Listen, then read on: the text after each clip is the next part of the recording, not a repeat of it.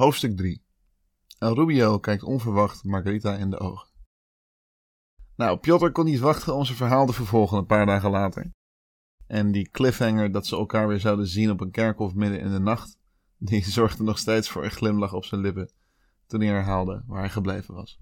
Na een week rondgezworven te hebben, was Arubio dus weer in de vaste havenkroeg. Daar waren ze zeer verrast om hem terug te zien, en toen hij vertelde waarom, konden zij met een grote glimlach op hun gezichten wel verder helpen. Nou ja, veel meer over Margarita wisten ze niet, maar ze wisten wel waar ze verbleef. Dat was in het oude hotel Terminus, vlakbij de begraafplaats. Dat hotel kende verder geen hond, maar die begraafplaats die, die wist iedereen wel te vinden. En daar deden ook de wildste geruchten de ronde over. Met name over wat daar in de nachtelijke uren zou gebeuren. Maar je grootvader die was daar verder niet zo mee bezig. Die dacht, mooi, ik weet waar ze verblijft en daar ga ik vanavond maar eens langs. En zo geschiedde. Die avond liep hij Hotel Terminus binnen en zei dat hij een afspraak had met die Jamaicaanse vrouw die hier verbleef.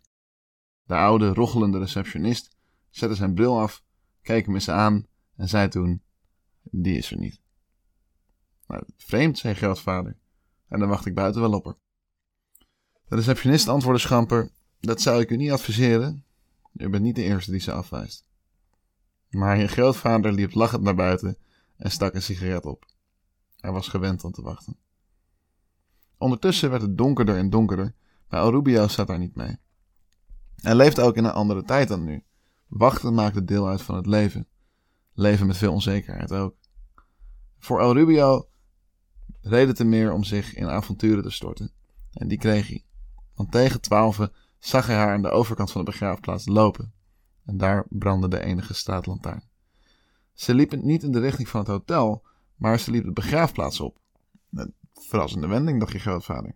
Maar hij was niet voor één gat te vangen en liep op enige afstand, voor zover hij dat kon zien, achter haar aan. Hij moest het hebben van het lichte schijnen van de halfvolle maan, want voor de rest was het pikken donker. Totdat zij een kaarsje aanstak bij een beeldje en daarvoor knielde. Wat hij toen zag en vooral hoorde, emotioneerde El Rubio enorm. En ook jaren later, als hij het vertelde, dan kon hij zijn emoties amper de baas. Aldus Piotr. Jouw nog jonge grootmoeder, ze zal een jaar of 25 geweest zijn, vertelde over haar zorgen. En hoe alleen ze zich voelde in die stad waar niemand haar begreep en haar alleen maar beoordeelde op haar uiterlijk. Haar kwetsbaarheid, die ze blijkbaar alleen maar kon tonen in het diepste van de nacht op een plek waar niemand haar kon zien en horen, raakte je grootvader zo dat hij zich zachtjes terugtrok. Die nacht liep je grootvader in stilte naar huis, overladen met gedachten die hij nog niet allemaal kon plaatsen. Die nacht dacht hij vooral: Het is de voorzienigheid die hier op mijn pad is gekomen. Deze vrouw confronteert mij zonder dat ze het weet met een paar harde realiteiten. Ik loop net als al die andere mannen als een hondje achter haar aan. Maar misschien nog wel meer, zij is eigenlijk net zo alleen als ik. En het was die laatste waarheid die ervoor zorgde dat hij zich terugtrok. Die maakte hem op dat moment, in die nacht, ook onzekerder om te handelen. Iets wat hij op dat moment altijd zonder nadenken had gedaan.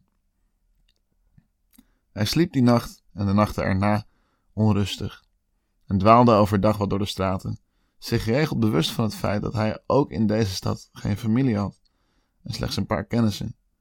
Zijn leven lag nog voor hem, maar zij had hem onbedoeld geraakt op een plek waarvan hij niet wist dat hij daar geraakt kon worden. Hij liep kortom met zijn ziel onder zijn arm.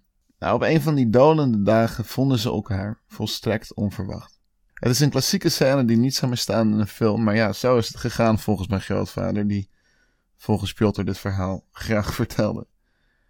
Hij botste zomaar tegen haar op toen ze de hoek omkwam. Haar tas met fruit liet ze pardoes vallen en mijn grootvader, nog helemaal in zijn ziel onder mijn arm stemming, pakte zonder nadenken het fruit op en wilde zich uitgebreid verontschuldigen toen hij haar in haar ogen aankeek.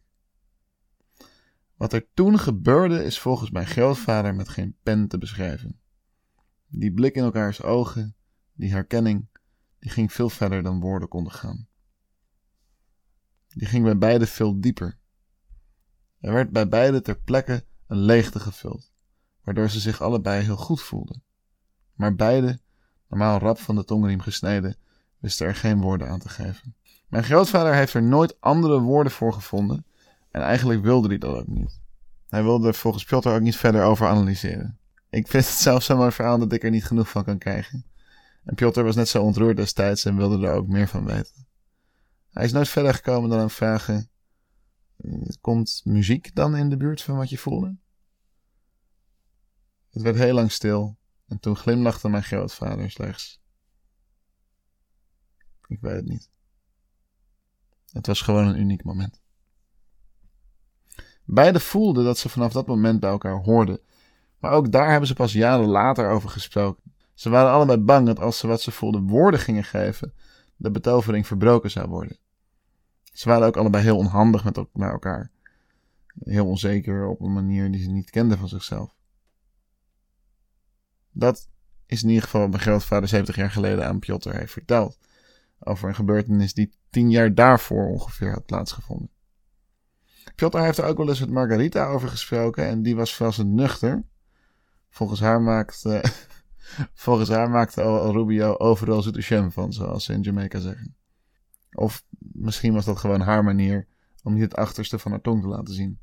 Piotr wist denk ik meer, dat zeg ik ook wel aan zijn lach, maar ik wist ook dat hier alweer een verhaal afliep. En dat ik wederom gewoon geduld moest hebben. En nog helemaal in de band van dit verhaal fietste ik weer naar huis.